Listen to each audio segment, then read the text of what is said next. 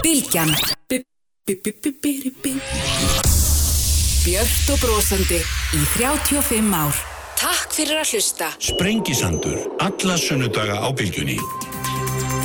Komið sæli hlustendur, höldum við að staða hér á Sprengisandur um þennan áttundadag Júlimánaður þeir verða hér í lok þáttar uh, Gunnar Ingi Jóhansson og Helgi Ás Gretarsson uh, lögmennlega fræðingar uh, hér verður líka Sel Sema Erla Serdar uh, fellum útlendingamál, Einar Sveinbjörnsson veðurfræðingu verður hér að fella þessar gríðalu öfgar í veðri sem við verðum vitni að þessar vikurnar þó það sjáist náttúrulega ekki hér á á okkar landi auðvitað hérna, en uh, við svegarum heima auðvitað. En sestur í hjá mér Jón Gnarr rítuhundur, leikari, uppistandandi útasmaður og eitthvað meira? Sælblessaður og velkomin Já, takk. sko þú hefur hérna, mér langaði að tala um við þig í dag þessa píslæðina sem þú hefur verið að skrifa á kjarnanum um Íslandsöguna þar sem þú ert nú að fara yfir hana með svona hérna, draga margt í efa sem við, við getum sagt að hafa verið svona viðteknar skoðanir um hvernig hvernig hérna, byggðin var til og hverjir komu yngað og af hverju og svo framvegis sko. og, og ef ekki bara eins að byrja þar vegna sem ég veist að svona, það sem er náttúrulega áhugavert kannski líka er að þú hefur nú sjálfur skrifað þínir eigin skáldæfisugur Já, og þú talar um að þetta sé líka eða allt saman skáldskapur Já, mjög miklu leiti. Já, og þannig þetta er svona hérna, einhver minningasaga sem við erum að fjásturna við sem að Já, mann já. geta móta eftir eigin höfðu í einhverjum tilgangi ekki satt Jú, jú.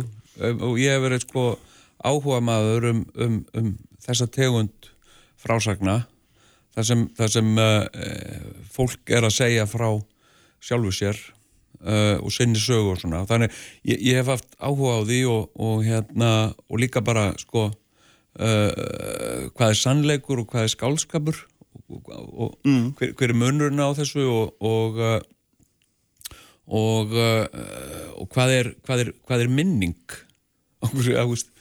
Hvað, hérna, hvernig virkar minning og, og hérna uh, uh, og hún er sko uh, samkvæmt svona vísindarlegum rannsóknum á heilanum að þá, þá, er, eru minningar á sama stað og, og skapandi hugsun í heilanum og, og alltaf þegar við rifjum eitthvað upp að því að maður hugsað um minningu sem einhvers konar svona uh, minniskupp einhvers staðar inn í heilanum á manni uh, uh, en, en sko uh, en rannsóknir sína að þetta er bara svona uh, brotabrót og hvers skipti sem við rifjum eitthvað upp þá er heilin að setja það saman aftur úr Mhm. brotabrótum hérðan og þaðan og uh, og hérna, mér fundist það bara mjög aðtilsvert og, og síðan hef ég alltaf tíð uh, sko uh, ekkert alveg það hefur eitthvað svona fyrirstaða í mér alltaf gagvart þessari svo kvöldu Íslandsögu uh, og uh,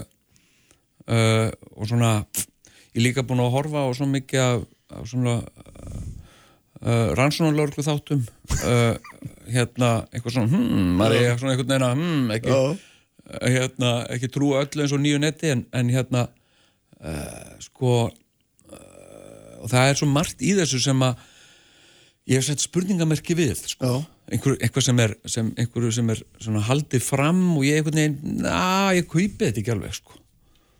En þú ert í grunin bara svona að því við byrjum að tala um skáldskap þú ert reyna að vera að segja okkur að Íslandsagan sé að minnstu fyrstu 200-300 árin að sé meiri skáldskapur en Já. þetta er svona óljós minning eða þú ert að nefna, er það ekki? Já, já, jú, jú, ég menna sko uh, sko, eins og bara það sem er skrifað í, í fortsögum eins og, eins og uh, Snorri Sturluson skrifar uh, þa- þar er verið að skrifa um atbörðið sem gerðu sko 2, 3, 400 árum áður það er enginn á lífi sem mann þessa tíma sko og, uh, og síðan er líka verða meira og meira ljóst að, að auðvitað uh, voru uh, sko uh, margar af fortsögum okkar skrifaðar í ákveðnum tilgangi það var ákveð, ákveðin tilgangu fyrir því að, skrifa þær og, hluti af þeim tilgangi var, var pólitískur Mhm. til að marka ákveðnum landsvæðum ákveðnum, ákveðið hlutverk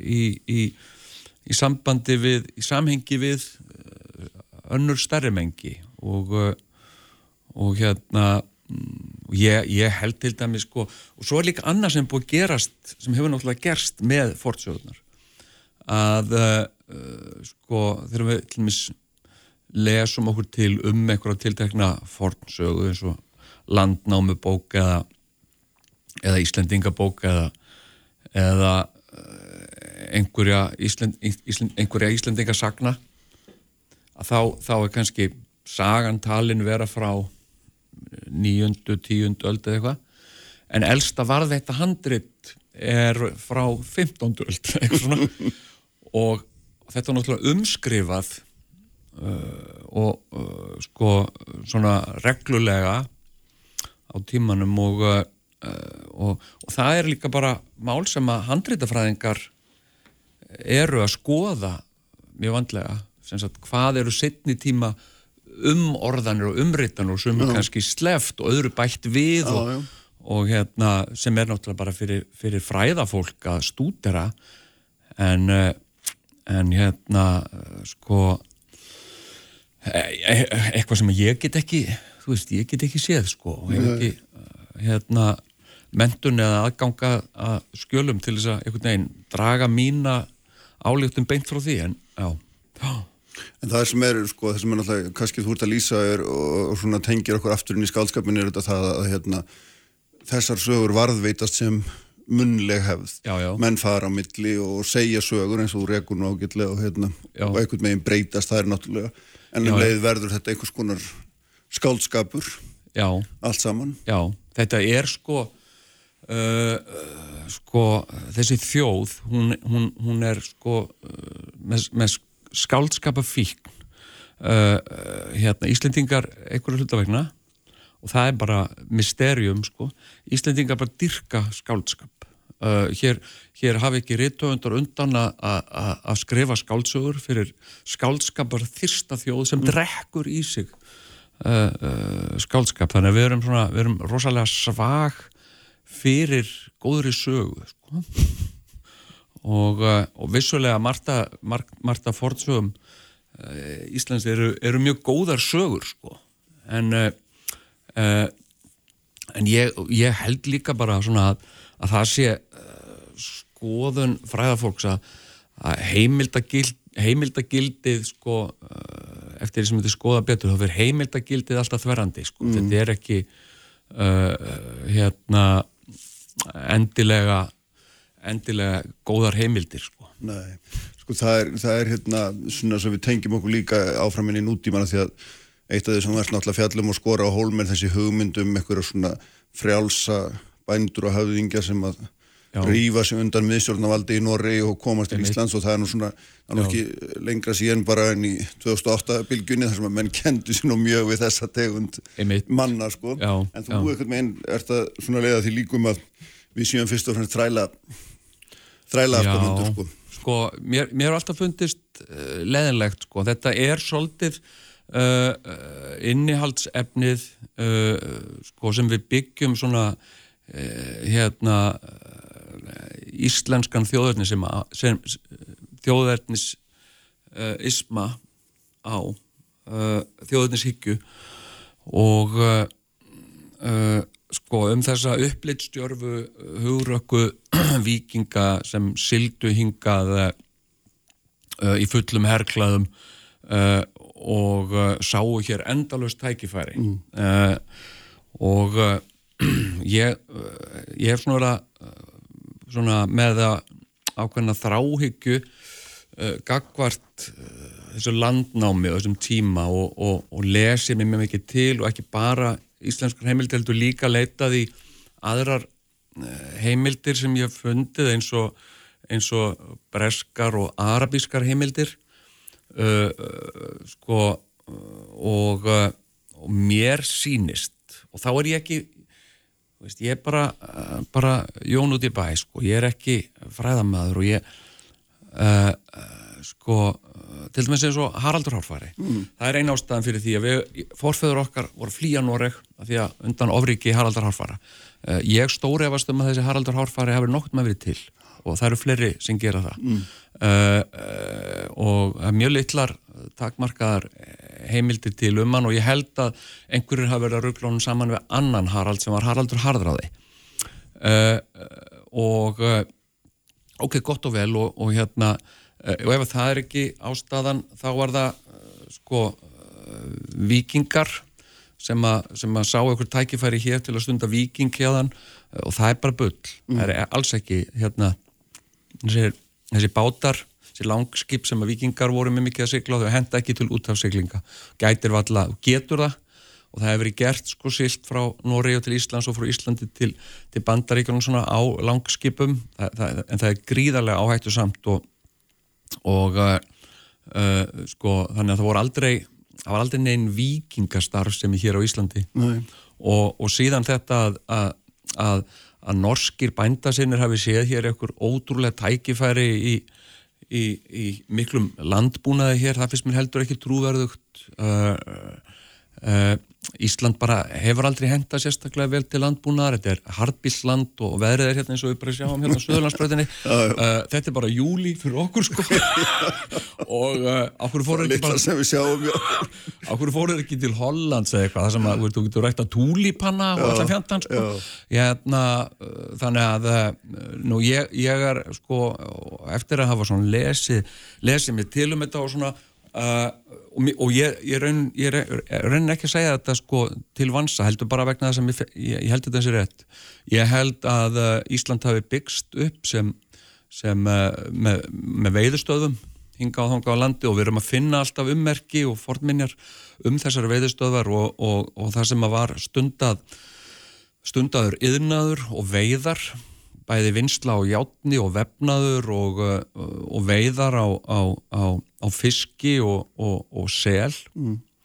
og einhver svona uh, hérna, fjárbúskapur til vefnaðar og þetta, uh, þessar starfstöðar, þessar vinstöðar hafa verið mannaðar að mestuleiti með þrælaðabli, mm. með ófrjálsu fólki og hlutur uh, sagt uh, hins ófrjálsa fólks í, í, í samfélagi vikinga er alltaf að verða uh, ljósar og ljósar. Þetta er svolítið, hefur verið svolítið hitt týnda fólk Íslandsögunar og Íslandsagan eins og kemur nú fram til dæmis í einum formála Íslendingabók að, að sko að þetta sé skrefa til þess að til þess að að, að leðrætta það að, að við séum að þrælum og yllmennum komin. Uh, hérna eh, sem ég held að sko þetta fólk var engin íllmenni, þetta var bara fólk sem var nefti ánöð og, og bæði, bæði uh, sko skandinavist og brest fólk. Og uh, og hérna og kannski eitthvað á vegum einhverja vikingahöfðingja sko. Mm. en ég held að þeir hafi minnst fyrir hér sko. Já, já. Þannig að hérna, þessar, þessar glæstu sögur eins og frá maður vittni nú í, í Jónasunni þar eru hettur um héruð. Þetta sé einhver hérna, þetta sé bara skaldskapur uh, eða hvað heldur þú? Já, kannski uh, svona svolítið ígjur sko oh. og uh, til dæmis eins og að tala um sko eins og einhver orustur sem hafa verið háðar hér sko síðan fyrir að lesa þessar orustur og þá áttar á því að þetta er meira og minna Eh, gert með grjótkasti þannig að við sjáum fyrir okkur eitthvað vörpulega menn og hespaki með sverð en já. síðan bara, já, býtu voru fleiri grjóti þannig að hérna, nei og, og sko og mér finnst þetta sko uh, að þessi þessi, uh, þessi vikingamýta uh, hún hefur finnst mér leitt okkur svolítið í, í ógöngur og mér finnst hún bara byggja á mér finnst þetta ekki verið rétt og, uh, og hérna og samanberð eins og þú nefnir veist, útrásar vikingar uh, hér eru vikingar sem ger eins og vikingarnir gerur til forna, sko, sigla til útlanda og, og, og koma með dreklaðin skip tilbaka. Já, já. Uh, og uh, og hérna og þessi svona þessi svona uh, sko myndræna framsetning til dæmis eins og Ingólfur, stitturnar af Ingólfur Arnarsson og Leifi Eiríksinn og eitthvað svona. Fyrst, þetta er algjörlega og lausulóftið greið þetta er bara tolki en sko svona, þetta fólk leita ekkert svona út og, og, og það hefði engin uh, helvita maður silt á þessum bátum eða skipum uh, í fullum herrklaðum sem vega alveg 50 kíló bara, þú veist, dettur útbyrjus og bara sekkur beint í bós, þú veist, þetta er bara þetta er bara þvæla og hérna og, og uh, og hérna, og vera með eitthvað svona Eh, kopar, kop, einhvern játn kopp á hausnum þú veist, þú færð fær núningssár á hausin að þessu og, og hérna þannig að það var engin ástæða til þess að klæðast nefnum svona herrklaðnaði hér sko. nei, nei. og uh, En þessi svona saga, þessi mýta sem þú ert að lýsa einmitt um Ingól, þar sem hann stendur í stafni með hérna og horfir yfir á nýja landi, mena, þetta er alltaf ekki bara saga, pólitísaga frá þeim tíma heldur hún hefur hún verið kend okkur einlega bara já, allar götur síðan og er sér stenni í dag, ég veit það svo mikið. Já, já, ég menna, sko, mér hefur verið kend þetta og þessu haldið fram uh, sko, sem, sem sögu, það er að segja uh, sko, históriu og það er eitt sem er merkilegt við, við íslenskuna, sko. Og ég á nú að Uh, ég er að gefa út bóki höst sem heitir Óorð, bókin um vond íslenskor er að benda svona á ímsa ágalla í, í, í íslenskri tungu, til dæmis sko við, históriu, við eigum ekkert orði í íslensku fyrir históriu, það er allt saga. Mm -hmm. það er bara allt saga. Og hérna, það er bara eins og ennskan ætti ekki históriu og segði bara alltaf story. Mm -hmm. uh, í staðin fyrir history of Britain þá var það bara story of Britain. Og það, það rúmast allt innan það, mm -hmm. þetta er ekkert skilgrend þetta þurfa að vera históri, nei, nei, bara saga sem einhver sagði. Og, og hérna uh, þannig að, hérna uh, sko við, við gerum ekki greinarmun á sem sagt históriu og sögu. Þannig að að, að hérna sko Íslands sagan svo kallaða finnst mér og ég bara, já, ég leiði að því líkur. Ég, sem sagt, hefur kend okkur með svipum hætti og, og biblíusögur. Skilu, þetta bara, þú veist þetta gerði svona og það, þessi maður var þarna og svona. Og uh, og hérna uh, já, og, og enn þann dag í dag er verið að halda ímsu fram sko svona í uh, svona í, í skólakerfi í svona ofinbæra umráði sem að, sem að stennst ekki, sem er ekki rétt. Og uh, ég tók mig síðast eftir því til dæmis varðandi, það voru hérna umræður um, um textun á, á íslenska texta á batnaefni frá Disney uh, þá sá ég svo mikið, þá var að tala um íslenskuna þá var að segja, veist, íslenska er eitt elsta tungumál í Evróp og eitthvað svona sko, mm. sem er bara alls ekki rétt sko. íslenska er ekkert svo rosalega gamalt tungumál með að við mörg önnur og uh, og hérna og alveg sko eh, fram á 14. og 15. þá er íslenska eh, bara, bara hérna uh, ákveðin tegund á norsku sko oh.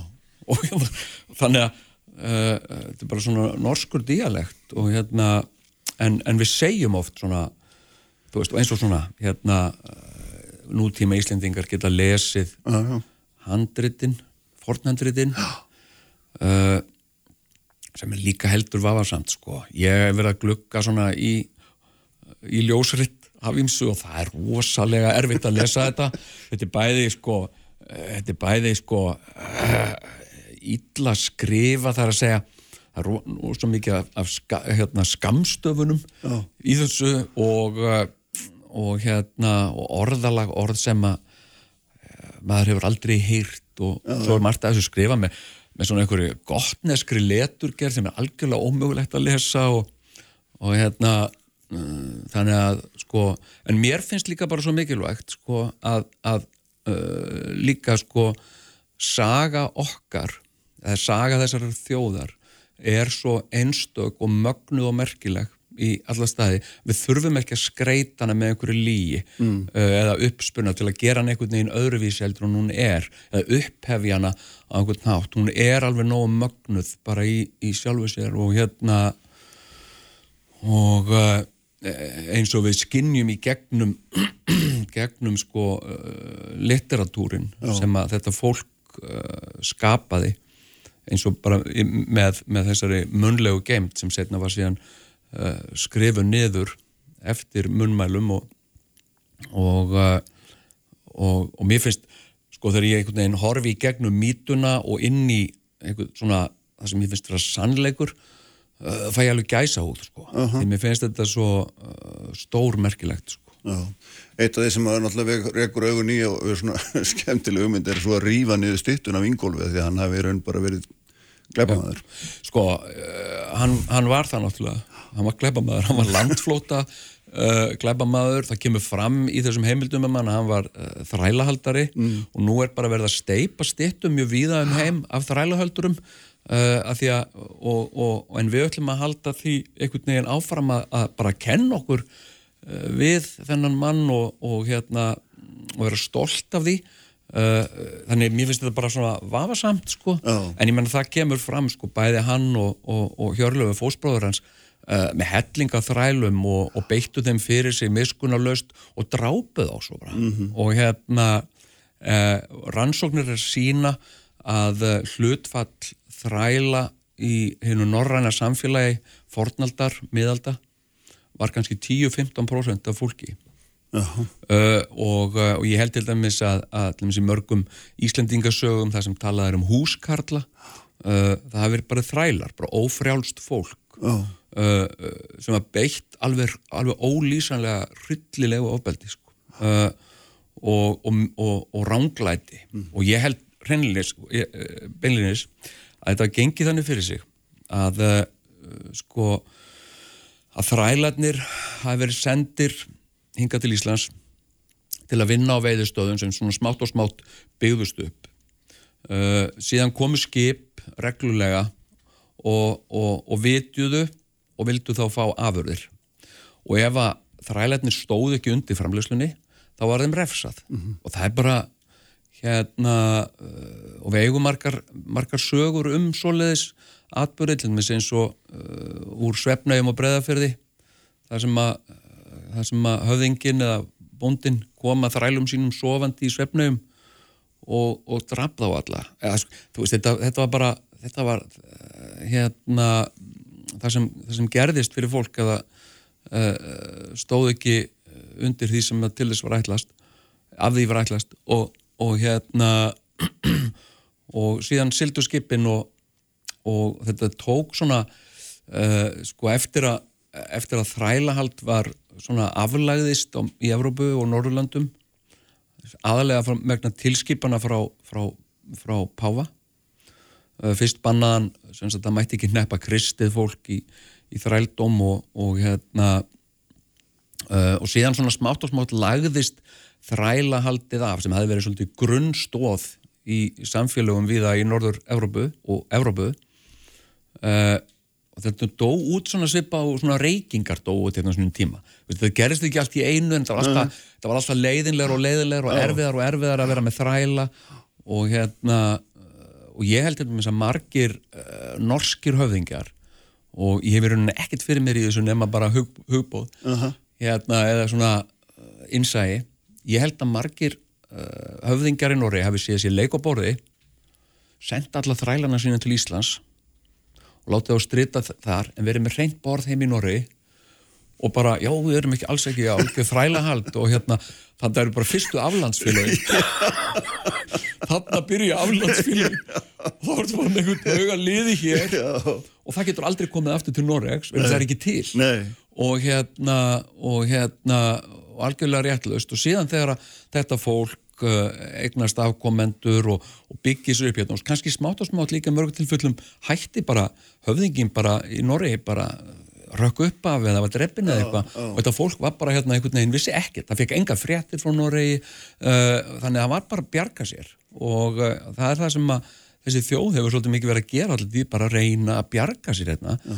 Og, uh, og hérna uh, og síðan þegar að nokkra kynsluði líða og fólki fjölgar hérna þá, þá, uh, þá þarf það að einhvern veginn skapa sér einhverja sögu, bara réttlæta tilveru sína gagvart aðalega gagvart Noregi sko. og Þá verður til þessi svona hetjusaga sem að já, er, ég, menn er einhvern veginn að forðast að við kynna þeir síu af já, alls ekki vera af einhverjum þrælum Nei. sem, að voru talin einhver, einhver rakmenni eða eitthvað svolítið, heldur frek, frekar rekja ættir þínar til einhvers, uh, einhvers aðalsfólks Já, og, og sína norsurum að þú veist, við erum bara eina vikur hérna, við erum bara, við erum líka komin að Haraldi Hárfara og, og hérna, eh, og eitthvað svona og, og uh,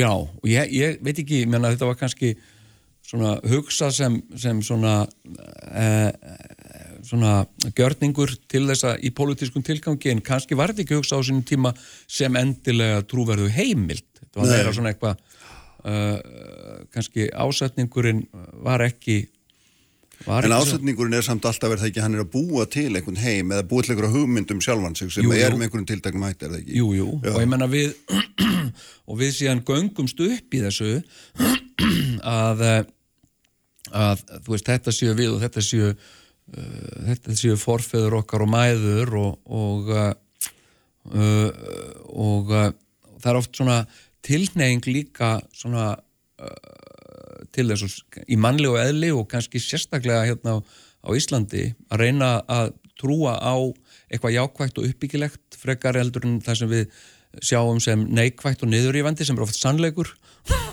En við viljum frekar sjá eitthvað jákvægt og uppbyggilegt og, og þetta er svo Uh, þetta er svo, sko, þetta býr svo djúft innra með okkur íslendingum, íslensku þjóðarsálinni eins og þegar við erum alastu upp sko, og, og erum ég syngja í skólanum öllu þessi dásamlegu kvæði um íslenska sömarið, Já. það mætti halda á þessum kvæðum að hverki í heiminum væri önnurs einn stórkostleg sömur eins og Íslandi, sko. þetta er bara fallegast til hlutur í öllum heiminum, sko.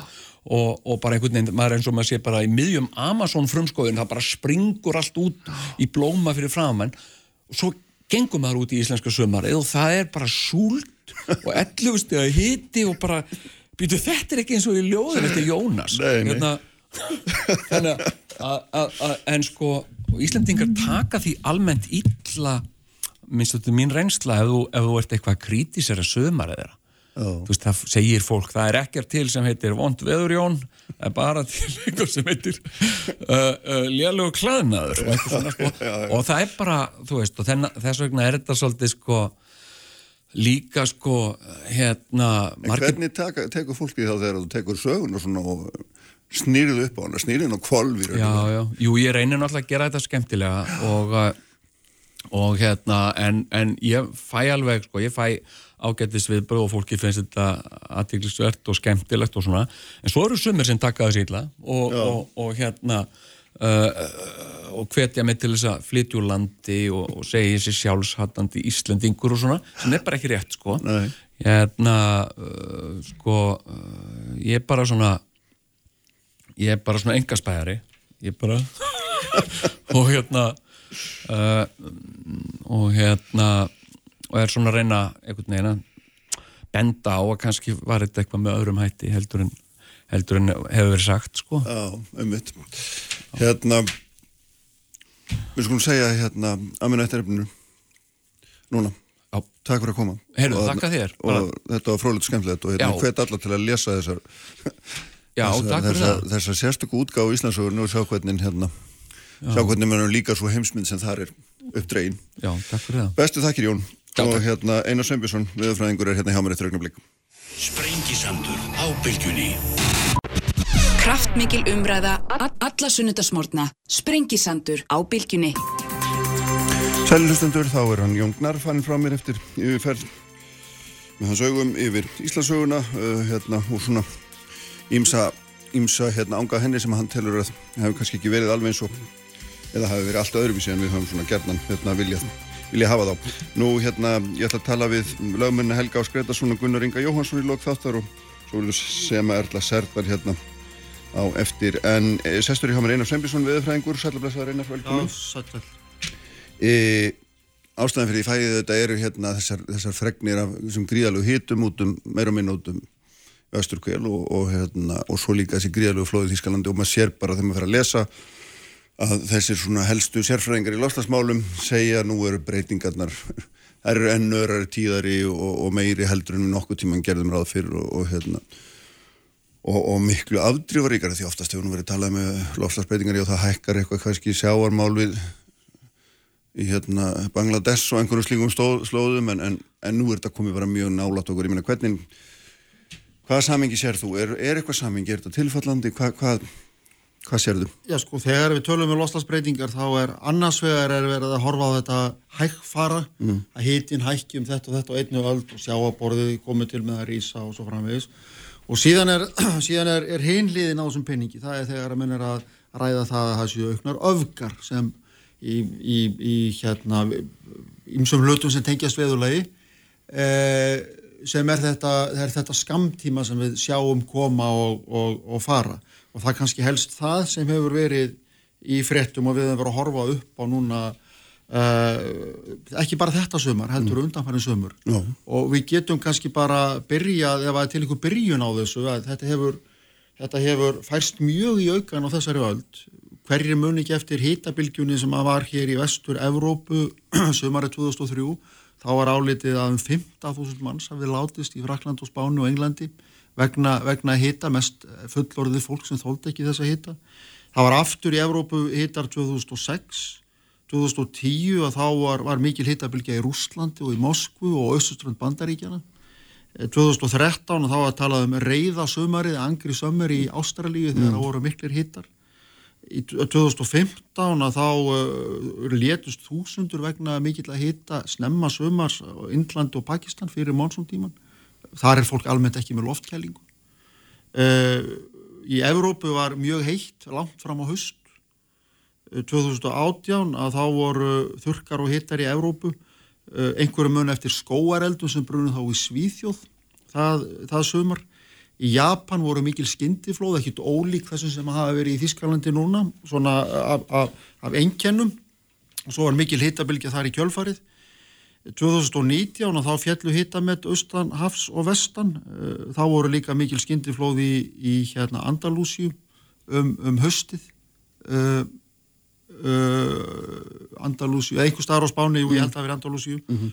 Og svo var enn og aftur hittar í Ástralíu og, og skóareldar sem voru þá mikið í fréttunum þá um jólaleitið og síðan 2020 í fyrra sumar þá voru Sýberíu hittar alveg út úr öllu korti, alveg gjörsamlega og, og náðu frá Úralfjöllum og alveg vestur, austur til Kirrahafsins og uh, þá komst hittin í 38 stík sko fyrir norðan heimskvöldsbögg og við veitum all, öll hvað hann liggur um, um, um grímseg hér hjá okkur.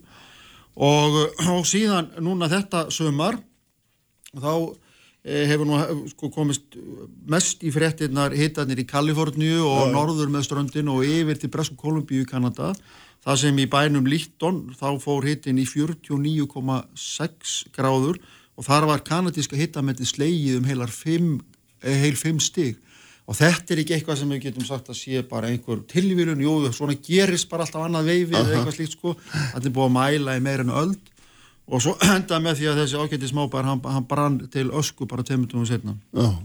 og svo höfum við verið að fengi fregnir af já, áframhaldandi hittum í, í Rúslandi þeir, þeir eru yfir þeir eru yfir ofandi núna, það var mjög hlýtt í, í Moskvu, eitt hlýjast í dagur þar í 115 ár fyrir örfándögum og í Finnlandi og Lapplandi þar hafa verið fréttir af óvinnulugum sumarhittum núna í, í tvær vikur ef ekki lengur. Mm -hmm. þannig að, að, að hérna, þetta raða svona upp og verður alltaf meira og meira ágengara núna hún síðari ár. Og uh, það er þetta að sína fram á það tölfræðilega að þetta er engin tilviljun sko, þetta er ég held að sé einhver blöðum um það að fletta. Þetta eru afleiðingar af, af loslasbreytingum, þessar öfgar bæði hitarnir sem mm. verða og síðan líka uh, uh, svæði á, ákveðin svæði ofta lítil um sig það sem verður svona steipiregn á, á það sem að það sem að hérna rignir mjög mikið á stuttum tíma, þá eru ekki að tala um eina skúr heldur, heldur rigningu sem varir kannski 1-3 sólarhinga uh -huh. og, og það fæst ekki og það er eins og var að gerast í Þískalandi núna er það ekki nákvæmlega? Jú, það var það sem gerist í Þískalandi og, og við getum sko sagt sem svo að, að þetta eru, þetta eru svona afleiðingar af uh, við getum sagt svona óvinnulegri loftringar og svona er ekki það óvinnuleg samt sem áður. En, en við hlínunum við segjum það að ef að lofthjúpur jarðar hlínar að jafnaði með eina gráðu þá getur hann tekið til sín meiri raka, hann getur innihaldi meiri raka 7% fyrir hverja gráðu sem, sem hlínar og við getum hort á lofthjúpin bara eins og svamp. Svampurinn drekkur í sig meiri vætu mm -hmm. og síðan skapast allt í hennu þau skilir því að er, svampurinn er kristur í einu vettvangi. Og það fellur mikil úrkoma staðbundið á, á, á einhverja ákveðna, ákveðna staði. Eins og ég sagði hérna fyrir nokkrum árum var það, var það Japan. Uh, við getum líka litið á það að við getum sagt sem svo fært okkur heim að, að miklu regningarna sem voru á segðisverði í já, desember, var það ekki sumarveðrátt heldur vetraveðrátt að, að eh, hún var af ekkit ósepiðu meiði þar sem við erum með mikinn raka af lofti sem er söðurlegt sem að kemur hér eftir einhvers konar brautum sem er, er nokkuð stöðu það verður lifting yfir fjöllin og það rignir og svo úrkoma var út úr öllum kortum alveg saman hvernig á það er litið. Já.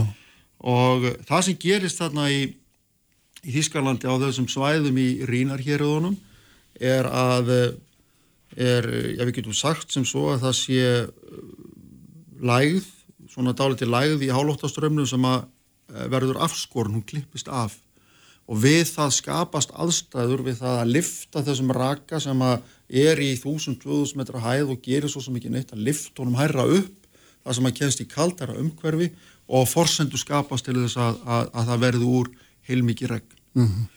Og á mælistöð, mælistöð held ég suðvestur á Köln, þá mæltist sólærinsúrkoman 150 mm Þetta er svo sem ekkert mikið í okkar skilningi, við, höfum, við getum séð bara hér upp í Bláfjöldum á höstin þessi gildi nánast áralega uh -huh. eða, eða sunnanundi vatnajökli, en þarna er stendur byggðin, e, hann í rínar hér og stendur byggðin e, mjög komlum fótum getur svo að hefur búið fólkum aldir. Og jáfnveil í dreifbílinu þá er byggðin þétt og árnar sem þarna eru, þær eru stokksettar frá gamalli tíð, þannig að, að það þarf kannski ekki mikið til þess að flæði við bakka sína en, en, en, en nú var, var þetta svo gríðarlegt að það fegst ekki við neitt ráðu og það er ótrúlegt á staðins og í Þískalandi að þá, þá fari sláti lífið 180 manns og það er ekki öll kvöld komin enn til gravar nei, nei. Í, í, hérna, í svona, svona skindilegri regningu að, að, að og svo er eitt sem að maður les um í þessu samengi er að það var varað við þessar úrkomu en, en afleiðingarnar voru ekkit skýrar. Hvað gæti gerst og hvernig fólk átt að bregðast við? Nei, nei. Uh, það var ekki síst sko í austurluta Belgiu og í Hollandi Ardenafjöllunum. En hérna en það var ekki sko stundum veru stórflóð í Rín Rín á þetta upptöksin í Alpafjöllunum og það er svona gerðan í vorlesingum eða sem afleiðing af rigningum sem standa í vikur en nú voru þetta litlar þver á sem að renna inn í rín sem að svakalega og tók og hrifs, hrifsuðu með sér heilu húsin. En eh, af þessari ræðin aldrei þá hérna þá er ekki bara eitthvað annað en að draga þá áleitun að þetta sé einhver þróun sem er í gangi sem að hérna verði bara skarpar og skýrari með, með hverju árin. Ég held að það sé einhver blöðum um það fletta, það, það, það er það sem er að, það, það sem er að gerast. Og hefði aldrei orðið slík ef að ekki væri fyrir hlínunjarðar á mannavöldum ef það getur maður ekki bara sagt Já, sko, e- einhverjum af þessum hittabilgjum sem við taltum upp hérna á þann hefum við kannski orðið en ekki, þær eru fleiri og þær eru umfangsmeiri og hérna ná til stærri svæða. Og eitthvað sem áður hafið 100 ára endur komið tíma er núna mm. kannski komið 20 ára endur komið tíma. Þannig að, að þetta er það sem við erum að glíma við. Og, og mögulega í allir þessari lofslagsumræðu að þá stendur fólki til skamstíma stærri ókn af, af svona hamförum eða, eða uh, einhverjum öfgum í veðufari heldur en, heldur en langtíma breytingarnar sem eru nú nógu slæmar, slæmar fyrir. Og, og þetta er, er eitt af því sem að, að menn sko þekk ekki, það er mikil óvisa varðandi þessar, þessar ákar Jújú, jú, við þekkjum ágjörlega áhrif hýtabilgnan og allt það. En að, að, að fá þessi, þessi miklu flóð og þessi, þessi steipiregn á þjættbílum svæðum það er eitthvað sem að, að er svona tiltúlega nýtt fyrir okkur. Já, en er það nú ekki bara orðið þannig að sko hérna hýtabilgjur er raunum verið orðnar meiri meira skadræði heldur en svona beinar sjáanlegar náttúruhamfarir? Það má kannski segja það, eh, við getum haft sko til margs venjulega íslenska hittabilgju sem á núna geysar á Austurlandi, 23 steg hitti á, á Hallumstað og, og Reðaferði morgun og Eilstöðum. Eh, þetta er ekki, þetta er ekki hættulegur hitti, þetta er þægilegur hitti og, og við getum sagt sem svo á Íslandi við séum bara heppin að hittin hafa aldrei farið hér einu sinni yfir 30 gráður og það skadar engan. En þegar við erum komin, í, í, komin með hitta sem er orðið nálagt líkamshitta og yfir líkamshitta, og þarna skiptur við þetta raki í lofti líkamáli, Já. Að, hérna, að þá verða menn að leita skjólst, þá fer hann að vera óþægilegur, menn verða að leita undan sólinni í, í hérna, kaldarumhverfi og það er ekkit, þéttbílum saðum, þá er það ekki, þá gefst, gefst ekki öllum kostur á því að komi manngjert umhverfi sem er, sem er svalara að fýrleitunu til eru svona hittabilgjur, þær eru, þær eru hættulega lífi fólks, líf og lifi fólks og við tala nú ekki um allt annað lífríki. Já. Þannig að það er hérna Þannig að að einmitt við erum alltaf að tala um þessi lofslagsmáli í þessu langa samingi eða alltaf það er mest áhersla á það. Já, við erum bara að sjá þetta núna frá, ef maður ekki segja mánuðu til mánuðar degir dags, áriðlega ást þá erum við bara að sjá greinilega merkið. Það er það sem maður er svona er að reyna að draga út úr þessu. Jó, og það settir sérstaklega er þetta ábyrgandi þegar að þegar er sömur norðukvöli og þetta líka sömur söðukvöli að menn hafa geta sínt fram á það að vestanvindurinn sem blæsir í loftinu sem er reyndat aldrei veikur á sömurinn að vegna lofslagslínunar þá hefur hann hægt á sér og það er kannski ekki alveg hérna lauk rétt að segja það sem svo heldur meira það að við það hann hægja á sér að þá verða meiri svigður í bylgjónum, það rýsa hérna upp og við höfum verið núna undanfarnar þrjár vikur í, í útjæðri og einum svona hæðarregnum mm. og, og hérna það þýðir það að, að undir, undir þessum hæðarregjum þá verður mjög heitt og í stað þess að heitaloftið færist áfram með bylgjónum til austurs þá staðnæmist það yfir sama staðnum jarðvegurinn hann þotnar og mm. það verður óskaplega heitt. Það er þetta sem hefur verið að gerast í Kaliforníu og Vestlandbandaríkjana að, að það er bara sama veðurlægið viku eftir viku og með þeirra aflengu við höfum eftir að fá sko, margar fréttir af því setni í svömmar það er verið að skellvilegi þurkar og er að verða núna í, í vesturhjörðum bandaríkinni í sáugsta núna að stóra saltvatnið í greit, greit saltileik að það er búið að tapa 50% af rúmáli sínu. Og, og það er alvarlegt mál vegna þess að það er arsenik sem finnst í miklu mæli í þurrum botni e, vassin sem kemur upp fyrir mm -hmm. utan allt annað sem er veldur vaskorti á, á þessum klóðum Já.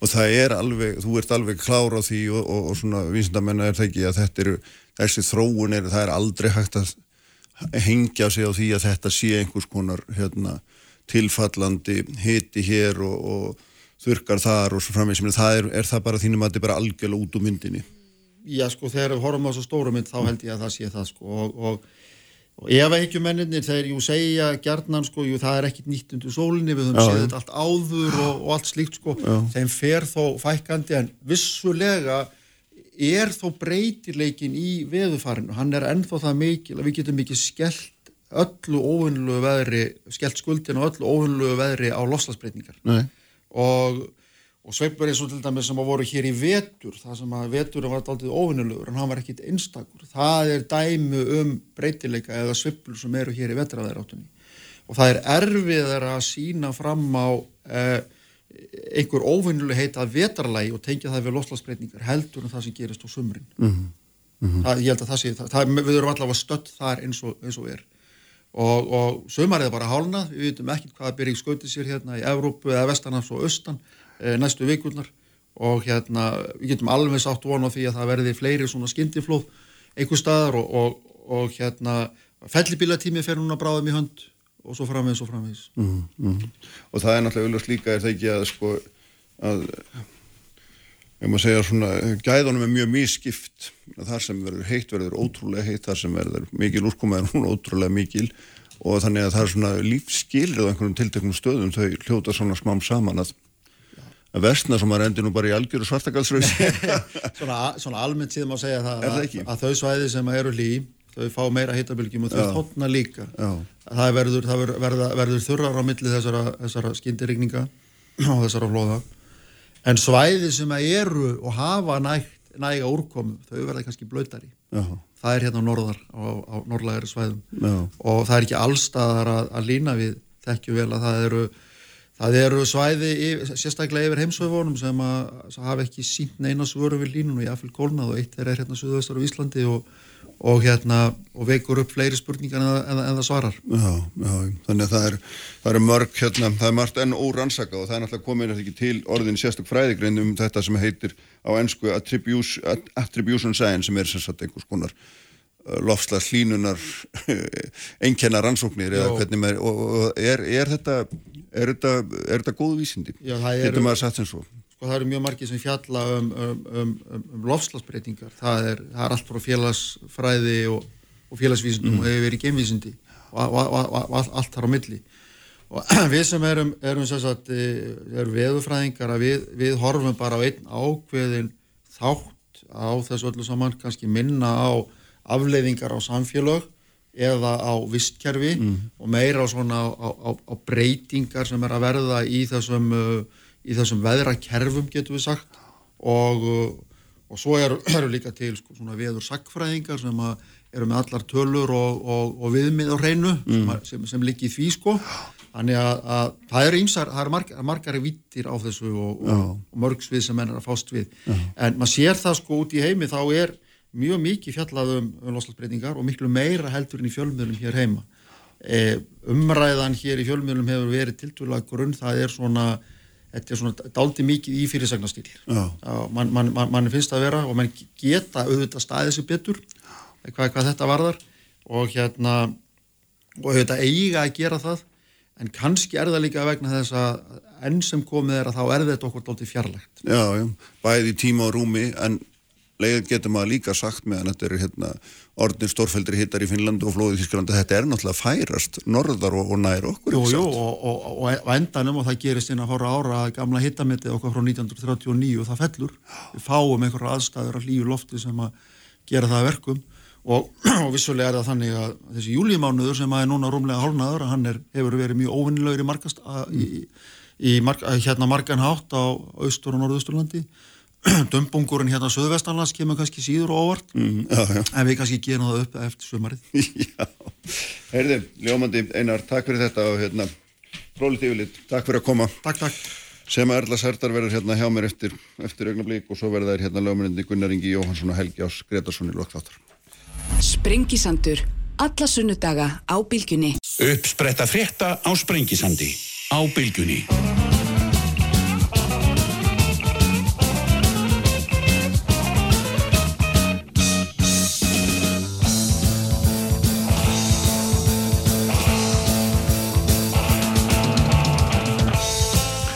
Sælir aftur hlustendur, Einar Sveinbjörnsson farin frá mér hér eftir uh, mjög frólega yfirferði yfir þessar gríðalögu öfgar sem við sjáum í veðri og höfum verið að sjá sem við tókum einhvern veginn mið frá, já tókum miðvar frá aldamótunum eða svo og hann fór hér yfir svona margt að því helsta sem hefur gestað þessum 20 árum og þarna var ekki sérstaklega kannski glæsileg upptalning. Nú, uh, uh, þeir verða hér á eftir hjá mér uh, Gunnar Ingi Jóhansson og Helgi Ás Gretarsson, þeir eru lagmenn báðir, við ætlum að fjalla þar um þetta mikla mál sem hefur verið í umræðinu daldið mjög mikið og mjög lengi, það er þessar ásakanir sem fljúa á netinu um kynferðsábeldi á hendur í nafngreindum og ónafngreindum mönnum, þetta er ímins nafnlaust eða undir nafni og, og sínir sitt hverjum um það hvernig um þá aðferðafræði og þarna og þeir eru á öndurum eðum þetta þeir tveir hvernig hérna eigi að handla þetta og við heyrum í þeim hér á eftir en sestir hjá mér Sema Erla Serdar sem að hefur eins og smátt verið góðu gestur hér áður, særu blessu og velkomin. Takk fyrir. Og hérna núna í forsvari fyrir hjálp, eh, Sólari sem er hjálparsamtök fyrir hérna hælisleitundur og flótafólk á Íslandi.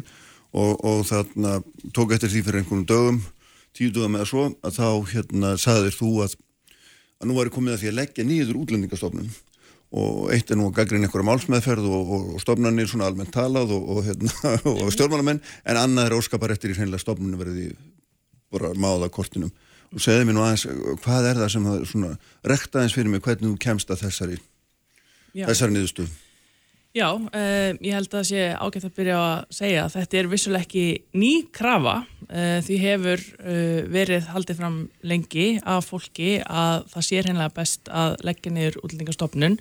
Ég held hún sé orðin háværari núna þessi krafa og við sem höfum barist fyrir þessu upplefum kannski að það sé verið að hlusta loksins á þessa kröfu og ég held að, ég held að framferði útlendingastofnunar svari þessari spurningu svolítið sjálft af hverju við viljum eða teljum að, við, að það þurfir hennilega bara að leggja niður útlendingastofnin mm.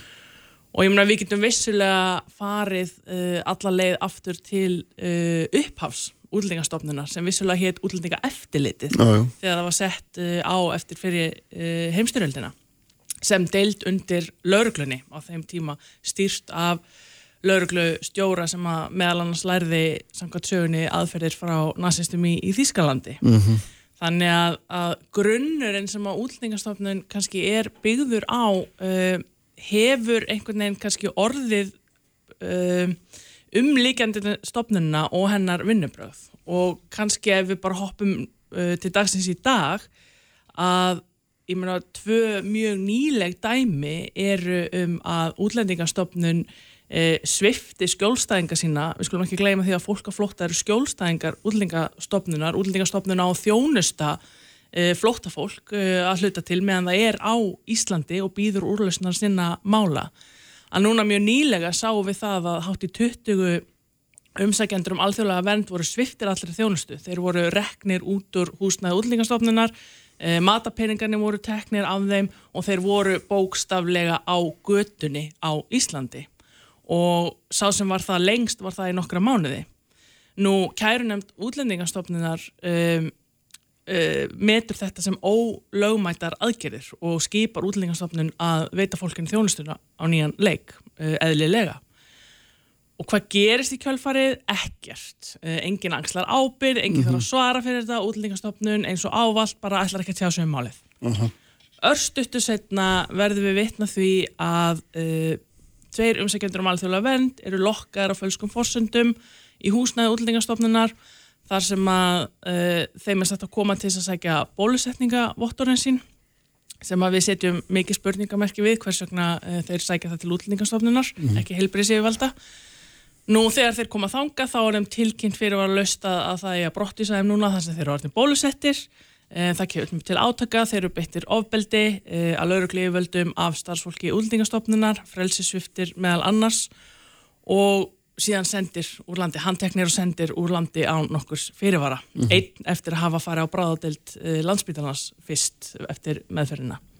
Nú þetta er bara tvö mjög nýlega dæmi um hvernig útlendingastofnun er að koma fram við fólk sem það á að þjónusta. En ég er að því að það er nú, hérna, lögurglann hefur auðvitað sagt, hún hefði bara komið hófsalega fram, það er svona mm -hmm. haldaði til það, hún hefur gert það og ég held að hérna, fórstuðumar eða, eða starfandi fórstuðumar hefði mm -hmm. líka sagt að þeir hafi bara fyllt lögum Já. Þetta hafa bara verið hérna, rétt að gera samkvæmt lögum og það sé þeirra hlutverk, þeir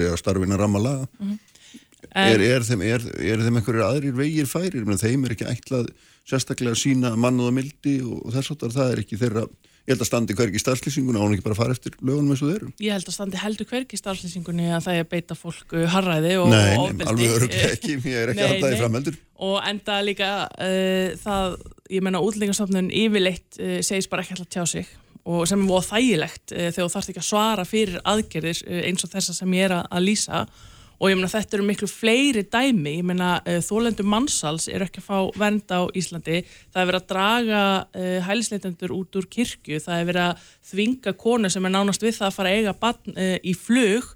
Það er verið að vísa börnum sem eru búin að vera mörg ár á Íslandi, jáfnveil fætt á Íslandi úr landi, mm.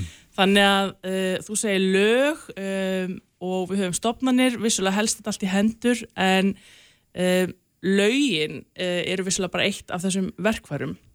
Það var mjög mikið talað um, um þessi lög á mjög jákvæðan hátt þegar þau voru samþitt aðná árið 2016. Já, þessi útlendingalög sem verður pöpil. Já, þær pólitísk sáttum og eitthvað svona. Já, já. Ég hef aldrei skilið þessa jákvæðni vegna þess að þessi lög gerður ósláð lítið annað en að staðfesta þau réttindi sem að uh, flótafólk hafði nú þegar á Íslandi þau eru rosalega opinn til tólkunar um, þannig að vissulega geta laugin uh, veittir frelsi tíðist til dæmis að uh, veita fólki vend á mjög auðveldan hátt en þessi sömu lög er það opinn að ef þú vilt fara í hináttina mm -hmm. og uh, reka hér harneskulega stefnu þar sem að sem fæstir útlendingar fái vend á Íslandi þá er þessi lög mjög fín í það líka og það sem að uh, við sjáum af reynslu síðasta ára er að stefnan var tekin enn frekar í þá átt vegna þess að uh, síðan til viðbót af lögin þá hafum við haft hérna nokkra dómsmálar á þeirra sem að hafa ítrykka sett reglugerðir sem að herða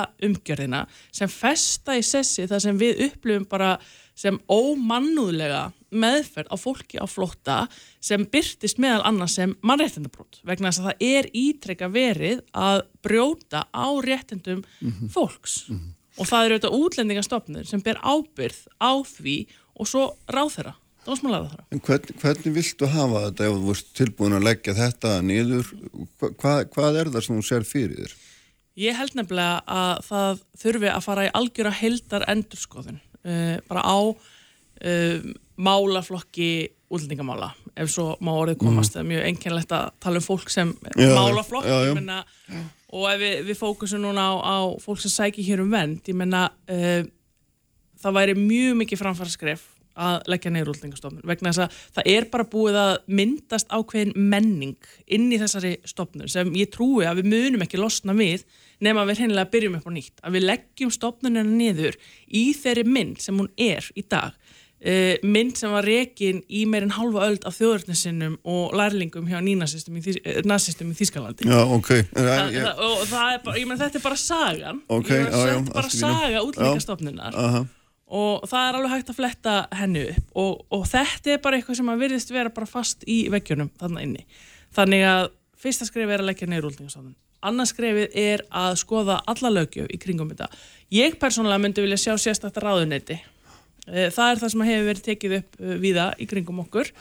Eh, þá erum við með ráðuneyti jáfnvel einhverja stopnarnir þarna undir. En ég trúi því bara að grunnurinn við þurfum að byrja upp á nýtt á nýjum grunni. Mm og og það er ekkert mál ég menna ef það er viljið til þess þá er ekkert mál að fara í slíka vegferð En er það ekki þannig að, að ef, að þú, ef þetta er rétt hjá því er að hver, hver dómsmálráðurinn að fætur öðrum hafi raun og veru hérna, svona hert reglunar mm -hmm. gefum okkur bara það sé harriðt mat mm -hmm. að þá náttúrulega myndi maður segja sem fórstuðum að stopnunar, ég menna þetta eru skýr pólitísk skilabóð til mín ég er ekki að hérna velja að fara mildulegin eins og lögin heimilemir eins og þú nefnir mm -hmm. heldur þetta fer ég hinlegin því að skilabóðin hljóta að vera skýr þau koma, þau koma ofan Já eða uh, hvað? Já og nei held ég uh, vissulega, vissulega er það uh, líka svolítið merkilegt í mm. þessu öllu að það var til dæmis sett á fót kærunemt útlendingamála sem átti að vera einhvers konar sjálfstæð stjórnsýslu stopnun þar sem að fólk geti leita til ef það Uh, teldi á sér brotið sem það vissulega gerir. Það sem er svo merkilegt við þessa nefnd er að hún tekur alla pólitíska ábyrð af stjórnmálamönnum vegna þess að það sem við höfum séð gerast er að það er enginn að axla ábyrð. Uh, við erum með þessa kæru nefnd sem að enginn uh, veit hvað fer fram þarna inni, hver, það er ekkert andlit sem að frontar þetta og, á sama tíma erum við með ráðherra á stjórnvöld sem að vísa bara alltaf á einhverja stopnun þau ætla ekki að tjá sig með stakka mál, þau get ekki gert þetta eða hitt, þannig að það er enginn sem að ber á. En viltu hafa það þannig að stjórnmálamennir, dómsmálar og þannig rétt að mynda segja, nei, heyrðu, nú skuliði hérna, þeir eru ekki að gera þetta rétt. Nei, þetta? Nei, En er það ekki það sem að stjórnmáldir er einmitt að sækast eftir, þau eru að segja, heyrðu, þetta er bara faglegt, við erum ekki inn í þessu.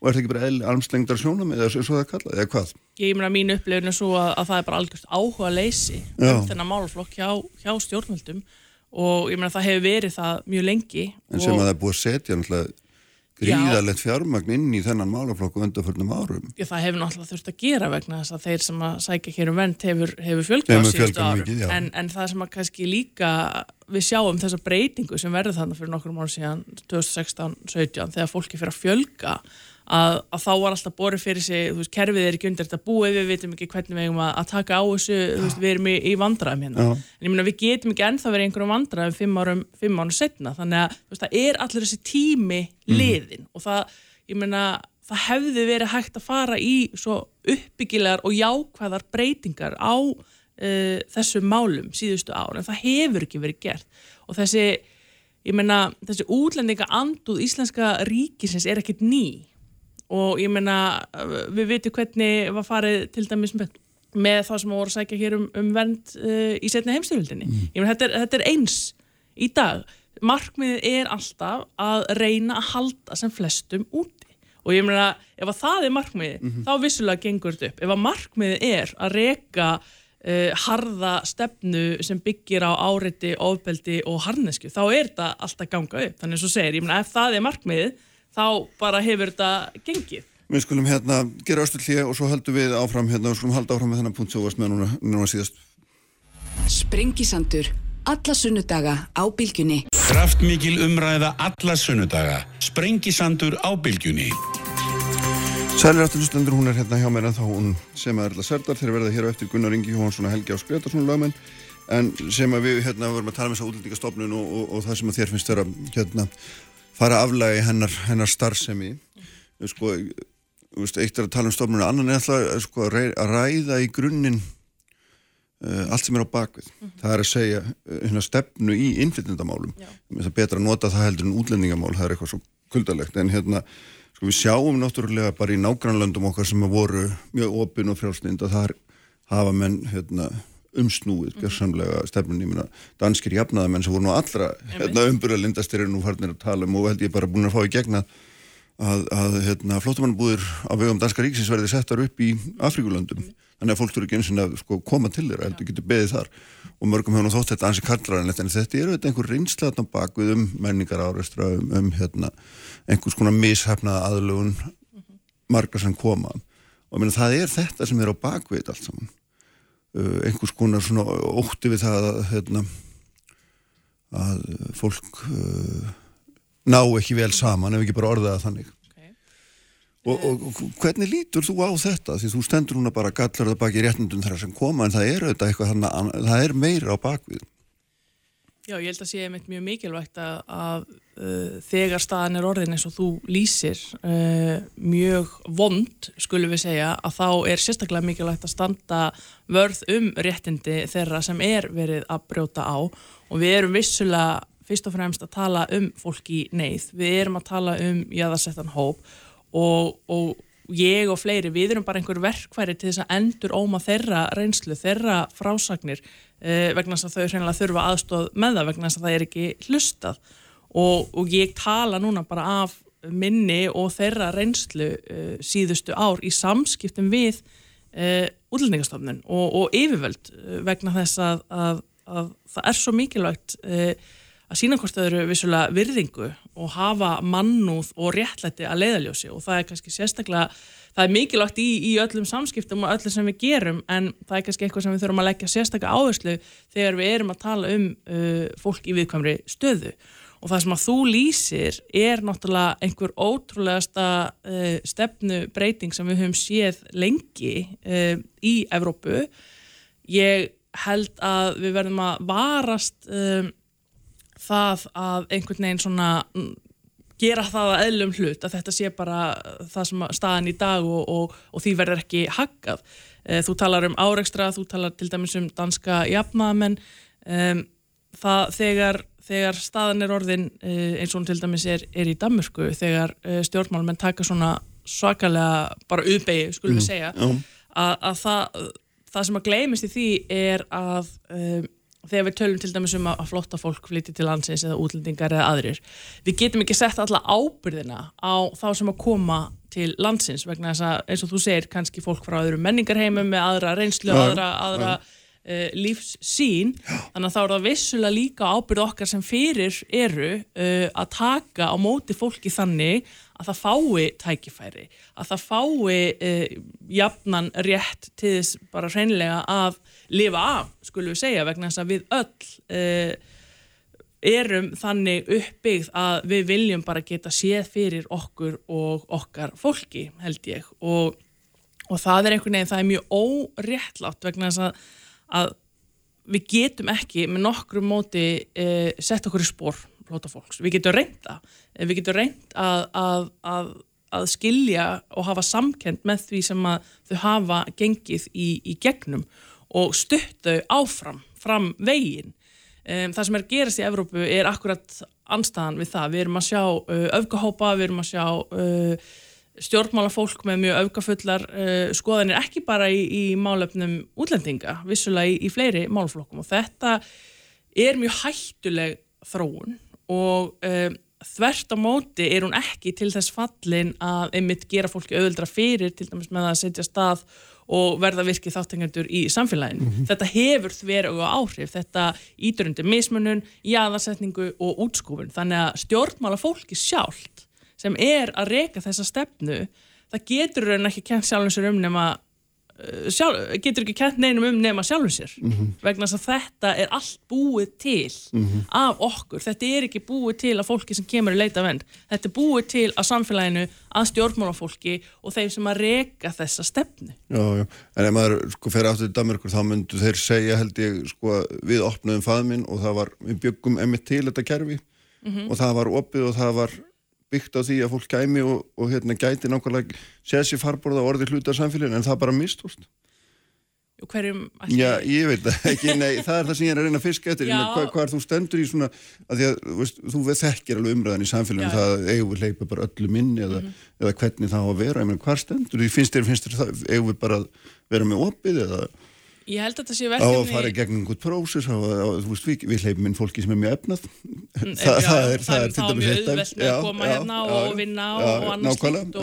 Sérstaklega svo steftir í mér. Já, já, og þeir sem eru það ekki eiga mjög erfitt með að koma og setjast hér, hér að. Ég held nefnilega að kannski líkilpunkturinn í þessu er að þetta er alltaf verkefni sem við þurfum öll að vinna saman. Við setjum ekki ábyrðan á einhvern einn uh, eða einhvern ákveðin hóp og, og ég meina þú segir að vel takist til og allt eitthvað svona og þú veist, ég til og með ekkert verið nefnir stöð til þess að fara sérstaklega eitthvað að dæma uh, nei, og, nei. og þú veist hvað hefur gengið, gengið á þar en, en það, ég, ég trúi því ekki að svo leið sem að til dæmis danskir jafnaðamenn er að fara muni skilan einu góðu af sér, hún, hún gerir fólk ekki öðuldra fyrir, hún, hún mun ekki skilja eftir sig einhverja jákvæða arfleið í dansku samfélagi, þetta er bara mjög hættuleg þróun sem að mun alltaf ala mm. eitthvað erfiðara og verra af sér. Og ég held að við séum um því einstöku tækifæri eða einstakri stöð til þess að gera svo vel ég meina við erum lítið samfélag uh, við erum og, og reynum að vera opið, opið samfélag og, og ég meina við sjáum það til dæmis að almenningur er yfirleitt mjög ósammála þeirri stefna sem að stjórnvöld er að reyka Ég meina það eru ítrekku mótmæli, ég meina það eru aðfendarhátt í 50.000 uh, undiskrifti til stöðnings einstakling sem að uh, fekk ekki venda á, á Íslandi. Ég meina við erum að leggja okkar á mörgum til þess að við gerum betur en vissulega er það ekki bara okkar ábyrg. Ég meina Íslandi eins og öllum öðrum ber bara siðferðisleg skilda til þess að mm. leggja sitt að mörgum. Ég meina það hafa aldrei verið fleira flotta í heiminum í dag.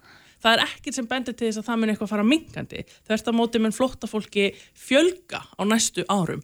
Og við getum ekkert bara setið hjá og ætlaði að reyka einhver á mannfjandlega eh, stefni við verðum bara að gera miklu betur. Og það sem einmitt kannski er svo erfitt í þessu öllu saman er að það er svo auðveld ef að viljin eftir staðar ef að, ef að, ef að fólk sem að hefur raunverðan áhuga að gera betur uh, kemst í þá stöðu að það vissulega vonandi munum við sjá eitthvað betra á næstunni og ég legg bara mikla áherslu á að það veri farið í þessa heldar endurskoðun og stopnarnir sem að hafa bara svona neikvæðan og slæman kultúr verðar hennilega bara að laða niður. Það er ekkert annað. Það er ekkert annað. Ljómandi sem að takk fyrir að koma svo alltaf. Takk fyrir. Og við höldum hérna áfram eftir augnablík með Gunnar Ingi og Jóhansinni og Helga Ás, Greta sinni. Sprengisandur á bylgjunni. Sprengisandur á bylgjunni alla sunnundasmórna. Sæli hlustundur, þá uh, er hann farin fram með hún Sema Erla Serdar um, en hingað er komin Helgi Ás Gretarsson, uh, lagfræðingur, lagmaður uh, og í símanum Gunnar Ingi Jóhansson, kollegians. Gunnar, sæl og blessaður. Sælir. Blessaður, blessaður, velkonni báðir. Heyrðu, ég ætla, við ætlum að fjalla um hérna fjalla um þetta mál sem að hefur auðvitað verið eh, langmest ræta málið á svona samfélagsmiðlum undarfarnar vikur og það eru þessar, þessar uh, ásakanir á hendur ímist nafngrendum eða ónafngrendum mönnum, nafnlösar eða undir nafni uh, um alls kynferðslega áreitni og jafnvel allt upp í, upp í nauðganir og, og bara mjög gróft ábeldi í, í einhverjum tilfengum og þarna og það sýnir svona sitt hverjum um það hvernig menn ganga fram í þessu, uh, hvort að það sé réttmætt að að henda fram nafnlausum ásökunum uh, og jafnvel nafngrein ekki þá sem að hérna, við erum átt og framvegis og þið hafi verið að skrifast aðeins á um þetta Helgi þú byrjaðir og hérna einn á vísi og saðir, skrifaðir pistil sem endaði á því að, að segja, lýsa því að þú væri Ingo Veðguð og hérna væri í hans stöð en, en, en Gunnar Ingi svaraði með því að þú væri líkari Jósef McCarthy sem hérna, bandarískum stjórnmálumanni sko, finnst þér Helgi að þarna ef, ef við byrjum þar að að því að þú, þú ert að tala um réttan farfi, hva, hvað á fólk að gera sem að ekki og augljóslega ekki getur fengið einhverja réttláta nýðustöðu í gegnum dómskerfið. Má það ekki segja frá því sem það verður fyrir bara með hérna, þar sem það kemur því við? Ég vil taka það fram að ég persónulega hef lengt í mjög erfiðum málum mm. þegar lengra leið frá þeim uh, atbyrðum gerði ég mér ljóst að þessi grundvallaregla um að allir teljist saglusir um sagt er sönnuð er mjög mikilvægt til þess að búa í síðu samfélagi á þeim tíma sem ég persónulega lendi í slíkri orðræði hafði mikla tilneyingu mm. til þess að taka lögin í mínar hendur. Þegar ég hef hugsað þessi mál þá tel ég þetta einfallega vera mjög mikilvægt atriði í uh, réttaríkinu og í samfélaginu heilt. Kjarnin í minni gaggrinni um þau mál sem hér hafa komið upp núna hvað eftir annar er júrin og eru eftirfærandi. Hópur af fólk í samfélaginu tekur saman ásaganir á hendur nafngreindum aðilum, e, beitir áhrifum sínum á samfélagsmiðlum, rannsakar ásaganir, byrtir þær, nafnlausar yfirleitt og þrýstir síðan á aðra í samfélaginu að segja hér eru ásakanir á hendur þessum aðila. Vinsamlega takja hann úr umferð. Vinsilega hérna kanselera eins og það kallaði útlökunum menningur í mm -hmm. þetta andrúsloft tel ég mig vita hvaðan kemur. Það er búið að sá uh, jarðveginum. Þetta er ekkit annað en andrúsloft það sem að, að það á að kipa þessu öllu þessu regluverki í, í raun og veru úr sambandi eða sniðganga til þess að ná ákveðinu margmum samfélagslegu margmum þannig að ég hef fullan skilning á þeim sem að verða fyrir ofbeldi og hvaða hátt sem er og að staða þeirra sé erfið. Það, það er bara ræðilegt og, það, og ég, ég til mig að hafa sjálfur staði í slíkum spórum, það, það er mjög töff. Mm -hmm.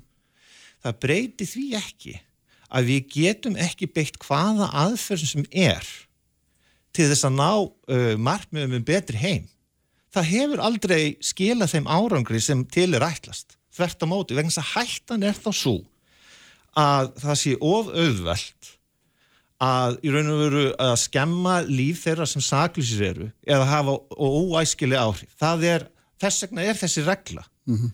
og uh, bara svona uh, til þess að somoru að þetta er í raun og veru kjarnin í því sem ég er að reyna að benda á aðferðin við þess að ná sem margmið. Uh. Ég tel mig ekki ég tel mig ekki bera skildu til þess að koma með konkrétt lausnir um hvernig að leysa þetta á annan hátt Nei. ég er bara einfallega að segja þessi tiltekna aðferð er ekki í lægi mm. það er mín skoðan mm -hmm. Gunnar uh, Já, sko ég, ég, ég má kannski segja svona að, að mín uh, nálgun á þetta er svo að að benda á að, að, að hugsa þetta kannski aðeins í viðra samhengi og, og þá uh, sömulegis í, í samræmi við þau lög sem að gilda í landinu. Ég er ekki heldur með einar konkrétt lausnir á einu en einu en uh, tilefni svona greinarnar minnas uh, var einfallega að benda á það að það er líka til regla og hún er verið að skrifa í stjórnarskara alveg eins og réttur mannstegis að telja saglas sektur sönnuð að það er ekkert sem, sem bannar fólki uh, einmitt að segja frá til dæmis ofbeldi sem það hefur uppljóð. Það er ekkert sem bannar það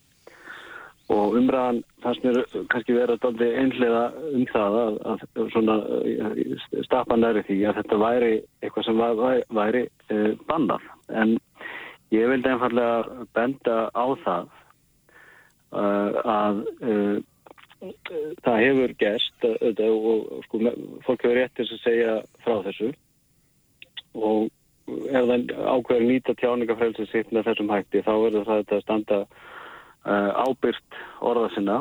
Uh, en ég vildi nú bara benda á það að það hefur svona orðið ákveðin breyting á umleginum árum frá því þegar domstála voru að fjallum svona mál, svona til dæmis ásaganir að hvaðina að afstæða domstála áður fyrir varanfallar svo að ef aðilega sakaður um refsverða hátsinni að þá var nýðustan bara látið ráðast því hvort að einstaklingur hafi fengið dóm fyrir þennan refsjóra verkna sem hann sakaður um. Og ef svo var ekki þá var þetta klálega aðrumeðingar og ólumætt tjáning. Eh, ég eh, vildi benda á það að, að þetta hefur breyst umlegum árum. Og það er alls ekkert sjálfgefið að svo sem að setur fram einhverjar ásakanir eða, eða lýsir eh, einhverju, einhverju svona upplýðunsin eða, eða hvað er, að hann sagt, fá ákveðin áfættistómi í meðramáli. Það getur vel verið að, að niðurstaða dómstólu verið svo að, að við komandi hafi uh, átt rétt á að tjá sig með þessum hætti. Mm -hmm. Þannig að, þannig að Gunnar, ef, ef einhver hópur tekur sér saman og hérna byrtir uh, nafnleysari ásakanir á hendur nafngreindu manni einhver staðar eða hvort það tengist honum smám saman í umræðinni þá myndir það rúmast innan, innan ramma hérna, ákvæða um tjáningafrælsi. Já, þessi má snúast nú kannski ekki endilega um, um eitthvað hópa, það er, er snúast yfirleitt um, um þetta eru enga mál það sem að einstaklingur uh, stefnir öðrum eða þá að ákjöruvaldið uh, ákveður að hafa refsimál gegn einhverjum einstaklingi fyrir umæli og, og að niðurstaðan í, í, í svona málum hvort sem að það eru dómar sem að hvað komið gengi hjá mannreitindóstal Európu eða jafnvel hérna á Íslandi niðurstað þeirra hefur orðið svo í sumum málum að tjáning sem þessi rúmist innan marka tjáningafælsum. Ég fannst einfallega bara eh, rétt og eðletta þessi, þetta sjónamið mm. kemi fram í stað þess að fara að kalla þetta nortnaðiðar og, og, og makartísm og lá, láta þetta lít út eins og þetta væri eitthvað sem fólk væri að gera eitthvað sem væri bara fyrirfram bannat. Helgi, það er, það er auðvitað hérna þetta er, er álitin spurning um það um það hvort þú hafið ekki raun og veru rétt til þess sjáur þetta ekki aðra leiðir en að segja frá því sem að komið hefur fyrir þig og, og lýsa því Myrna, og, og það eru þetta ásökun í því fólkin eins og hérna og ef fleiri kom fara á þá verður það hópur af, og, og fjöldi ásökana en það er alltaf hægt að eitthvað meina meina fólki að taka að, að, að greina frá reynslu sem Eh, ég hef aldrei haldið þessi fram nei, nei, en, að, en, að, að það ætti að banna fólki að tjá sig með þessum hætti. Ég, ég aðalpunkturinn hjá mér mm, mm. Er að hvað svo sem menn er að tala um þetta sem löffræðingar eða lögmenn eða dómarar eða sem einhverju séffræðingar í einhverjum tiltöknum rétt að segja þá snýst þetta miklu bara e, er þetta í lægi sem samfélag að þessi vinnubröð og þessi aðferð sé látin viðgangast? Sko þar segja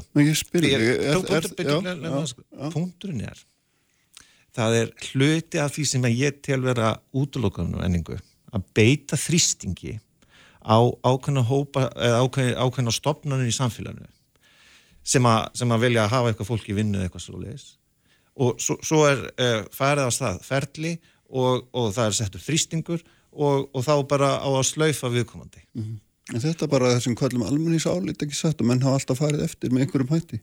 Jú, jú, en þá er það spurningum, sko, ég, ég er svo heppin að ég á, á hérna, mörg börn og ég hef upplifað þeirra skoðanir á þessu máli og ég hef áhyggjur, satt best að segja, hva, hvað er búið að ala upp í ungu kynnslóðinni að, að halda það að það sé hægt að draga álíktanir um hvað sé satt og rétt á grundelli þessara heimilda mm. aðili sem að hefur hagsmunni að því að beita ákveðnum en að málstað og koma honum á framfæri sapna saman nafnlausum ásökunum og á grundlið þess að halda að þetta sé satt og rétt. Það er bara algjörlega ófullnægjandi í réttaríki að mínum aði vegna þess að sko það er ekkit annað en að vera að, að, að beita aðferðum hefðbundis réttarhals til þess að komast á niðurstöðu og hafa áhrif á líf einhvers nafngrins einstaklings Ég, ég er ekkert að taka afstöðu til einstakka mála um hvers ég saklus eða segur, ég veit ekki um það en það sem ég var að, að kalla eftir í minnigrein en að mm. fólk stæði saman mm -hmm. um að svona aðferður við, við að, að hérna, íta einhverju málum áfram væru ekki í lægi hvað svo sem líðir síðan hérna, rétti fólks á að tjá sig eða, eða eh, komast að einhverju niðurstu í tilteknum málum það, vegna þess að samfélagslega útskúun refsinga hún fælst í ákveðnum dómi samfélagsins að þú verður að vera settur til hliðar og þú verður að setja inn í einhverju fangilsstofnun. Þetta er bara önnur aðfyrir við að ná sama markmi vegna þess að þú ert að, að auka líkunar að viðkomandi missi tekjur og missi vinnu og svo framvegis og orðsparið e, drægi hérna, sé drægi niður svaðið og ástæðan fyrir einhverjum samlíkningum í sögunni er að þegar ég er að eiga í samskiptum við ungd fólk að það er engin skilningur, að mín, mín upplifun er svo, að það er engin skilningur á sögulegu samhengi mm. og hvers vegna þessar reglur hafa verið uh, settar. Vegna þess að ef við erum að tala til þessum McCarthyism, þá, þá var ég fyrst og fremst að lýsa ákveðni þróun sem að, það var búið að sjá ákveðnum jarði, þar sem að ofstækið sigraði um langt ára byl. Mm -hmm. Og ég er bara að segja, ég er að horfa þróun yfir langa tíma og ég segi, hér eru við að horfa upp á að, að samfélagi samþykja aðferðir þar sem að ofstækið á að sigra. Mm. Og ég segi bara, Nei, þetta er ekki rétt. Hvað er svo sem aðra aðferður eiga að, að, hérna, beita til að leysa uh, vandamá sem tengjast ásökunum kynfyrslut áfbeldi uh, sem, sem að uh, ég ber fulla virðingu fyrir og móta auðvitað öllu slíku áfbeldi og, og öllu sem að þessu tengjast. Þa, það er engin ágreiningur um það. Þetta bara snýst um aðferð mm -hmm. við, við, við að skera úrum og hvernig við hérna, ítum svona málum áfram án þess að, að fólk geti tekið sér saman og, og, og, og nýtt niður orðspor annara. Uh -huh. Gunnar, hvernig hérna, hljómar þetta þín eru?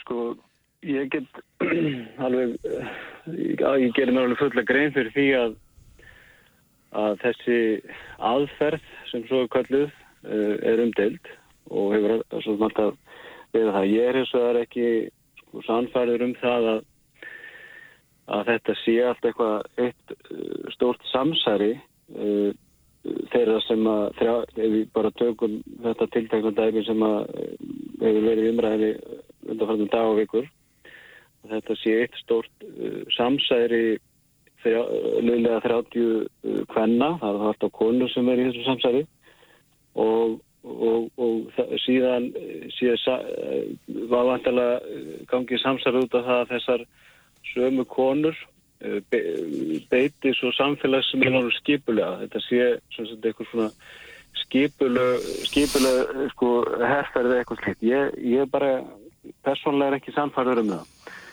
e, og held að það sé ekki rétt að nálgast máli út frá þeim fórsöndum. En vissulega er það erfitt og áfall og allt svoleiðis við þann einstakling sem að svona ásakanir beinast uh, að rétt eins og það er áfall fyrir þann sem er ákjærður af henni ofinbera og kannski síknaður í þessu domi. Ég held að það hefur örglega gerst í fleiri tilvikum að, og hefur ofinbera hefur sakað einhvern saklega svona einstakling þessu eða verðt heldur en, heldur en uh, þessi tilvik en ég er líka eins og kemur fram í greinin ekki sammála því að þetta sé á einhvern hát uh, samanbörða hægt við sko pólitískar ásóknir og, og einhverjar ásóknir sem byggja á, á svona gildum sem að við all, um það semst að til dæmis stjórnmálaskoðunum trú kynna eða eitthvað slíkt. Þetta eru ásakanir um refsiverða hátsemi og, og Eh, og ég hef sagt, því að ofsóknir á mér í síðustu öld sem byggðu ekki á einu öðru heldur en einhvern pólitískum uh, sjónamið með sagt, þessum atriðum sem að ég var að refna, það skiptir máli hvaða stjórnmálaskoðun og hefur. Það er bara allt annað, uh, allt annað sælis. Eh, þarna er um, um það ræða að, að, að það eru settar fram uh, ásakanum um refsleira hálfsemi og, og, og reyndar yfirslegt annað, ég vil taka það fram ég held að, að þessi enginn að setja sama sem ekki milli lýsingar þarna um, um eitthvað hálfsemi sem telist óvíðandi og svona sem er refsleira hálfsemi og ég held að ef þetta væri bara ásakanum um eitthvað óvíðandi hálfsemi þá, þá væri reysi þetta mál ekki svo hátt en, en ég hef sagt, þarna verið bara eru virðast vera einstaklega sem er að not, bara fara þá, þá leið að þeir ætli að setja þetta fram með þessum hætti í krafti djáningarfrælsis og verða þá að, að og, og, og það verða að gera sig grein fyrir því að menn hérna uh, þurfum að svara til mm. ábyrðars. Já, já. En nú, nú er það alveg ljóst að þeir verða, hérna, það búið að senda þeim, eða sumuðir allavega, hérna, kærubrjöf og óska eftir hérna, afsökunum beðinni og, og, og, og líka umtalsverðum fjárhæðum en ekki upp í 2 miljónur eða eitthvað slíkt á haus einhverju 5 eða 6 sem hafa fengið slík bregð sem hafa látið einhver, einhver, einhver umali falla og sko ekki endilega uppharsfólki heldur bara einhverju aðrir þannig að þetta er nú hérna það er greinlegt að það er hérna það eru skipta skoðanur um hvað er leifilegt og hvað ekki í svona umröðum Já, já, það er ekkert í öllum tilvíkum heldur sem að sko uh, þegar að koma fram svona ásakanir uh, sem að viðkomandi er eitthvað útilökaður sko. Ég held að uh, við tökum bara sem dæmi að það er maður sem að setti verulega einna gríðilega mörgum svona ásakanum, hann tókst nú samt að láta kjósa því fórsönda bandaríkjana. Já, það er enda rétt. Það er enda rétt, já. En þarna, sko, Helgi, það, sko, einhver staðar er, er, hérna, er réttur fólks hvort, í, hvert fyrir sig til þess að tjá sig um mál með þessum hætti og, og þarna og einhver staðar verða menn að geta komið sínu að líka þólendur einhver eitthvað verka ef að, ef að ekki aðra leiður eru fyrir hendi. Og svo ég spurði held í þriðja sinni raun og verður bara alltaf að því sama sko, þetta snýst alltaf um það að, að við erum í stöðu, einhverju stöðu þar sem að hið ofinbera hefur ekki náð utanum tiltekinn málaflokk, hefur ekki náð að, hérna, eða hefur misbúið réttlætiskend fólks, getur við gjörðað að þannig?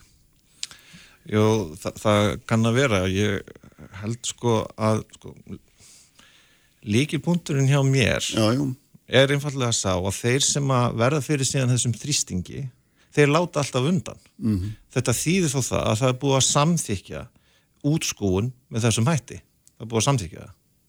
Ég er að mótmæla því ég, ég, ég, ég tel þetta ofullnægandi það breyti því ekki að, að fólk sem að hefur ákveðna hagsmunni fólk sem að hefur ákveðna skoðanir og ákveðnar upplifanir það, það, það getur tjáð hugsin alveg eins og Gunnar er að, er að nefna, það getur gert það. Og svo, svo kemur bara í ljóskort að, að það hafi verið heimilt eða ekki.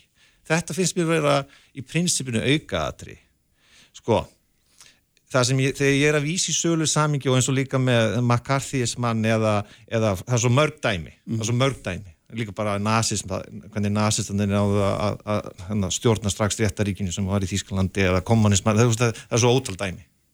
Punkturinn er bara reynslan er svo þegar grundallar reglur réttaríkisins eru, það, það eru sniðgangnar eða það er gengið fram hjá þeim. Mm. Það hefur aldrei skilað árangri til lengri tímalitir fullt af fólki, jættul saklusu fólki verður fyrir barðuna á þessu það sem er búið að gerast núna í svolítinn tíma og þegar ég tel mig hafa þannig nægilega tengingu við ungt fólk mm.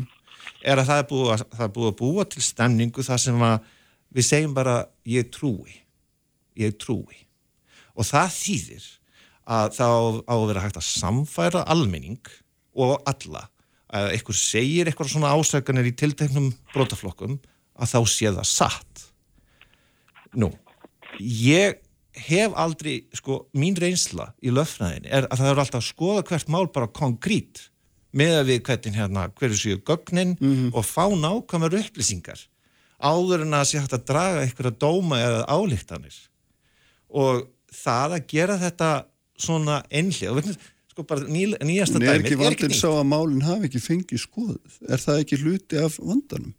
Jú, það, er, er þetta þó aðferðin við að laga þann vanda? Hver ætti hún önnur að vera?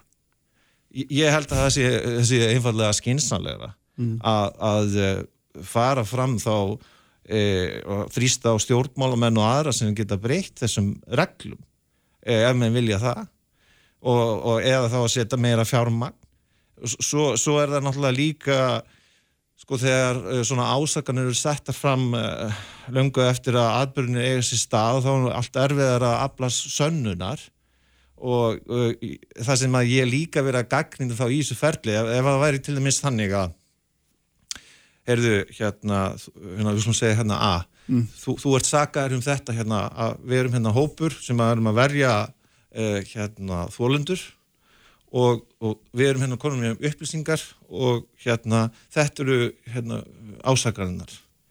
Hérna við ætlum að gefa þið færa á að tjáði við ætlum að gefa þið færa að setja þetta í einhvert farveg ef að það væri eitthvað sko e, eitthvað svona smá uh, tilneying eða eitthvað svona aðeins að koma til uh, móts við, við svona réttlátari málsmeðferð.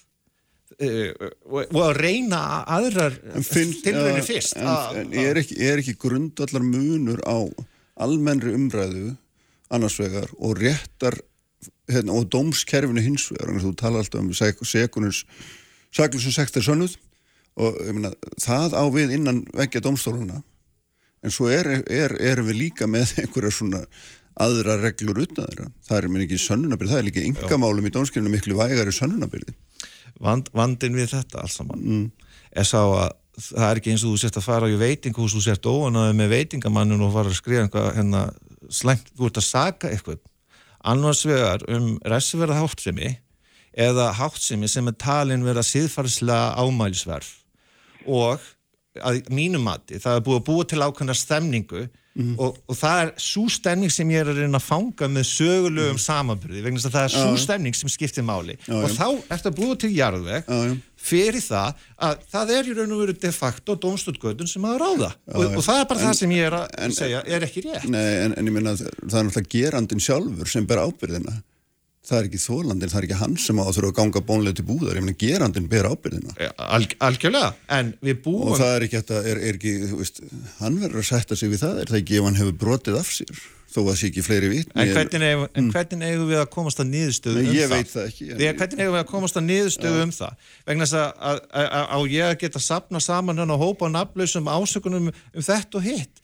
Ég, ég meina, ef maður, sko, þetta, þetta snýst í raun og veru mín nálgun er það sem að kallast bara réttlátt málsmeðferð og gaggrinnin mm. á að taka fólk svona að lífi. Það er gert kærtum málsins. Já, já, Gunnar, fyrirgeðu þér kokkurum villi.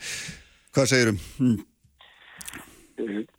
Já, ég segi, ég, ég er ekkert að, að mæla þessari aðfél uh, bót. Ég er bara að benda á það að, að uh, menn hafa farið þessa leið og og niðurstæði dónstólur var svo að hún geti rúmast innan marka laga og ég þurfu líka að passa það að þegar að menn er að tala um það að það sé ekki rétt að setja fram uh, ósannar ásaganir að hendur fólki uh, um, um einhverja hátt sem, að telist sig fyrir lámælsverða refsverð að hún sé ekki frátekinn fyrir einhverja aðra hendur en uh, þólendur ábrota ég kannski nefna það að uh, þessi grein og þetta, uh, þessi ábyrning mín vakti nú viðbröð meðal hans var fyrirhandi dómar á hæstarétt sem var óanæði með hana og, og let mér heyra þá skoðan sína. Mm. og ég bendi þessum fyrirhandi ákveða dómar á það að hann hefði sjálfur nýtt tjáningafrelsi sitt þess að saga hæstarétt í Ísland sem hafa vísutendið dæmt saglösa manni í fóngilsi og það er mjög, mjög alvarlega ásökun mjög alvarlega og ég spurði hann einfallega þess að hann var að gaggarina það að menn var að setja fram ósánaðar ásökunni hvaða sannanir hann hefði haft fyrir þessu. Og auðvitað gæti hann ekki sagt hann að þetta var bara hans skoðun. Já. og þess að hann rétt á að setja hann fram og svo var leistu því neðramáli og nýðust að var svo að, að hann átti rétt á þess að skoðun.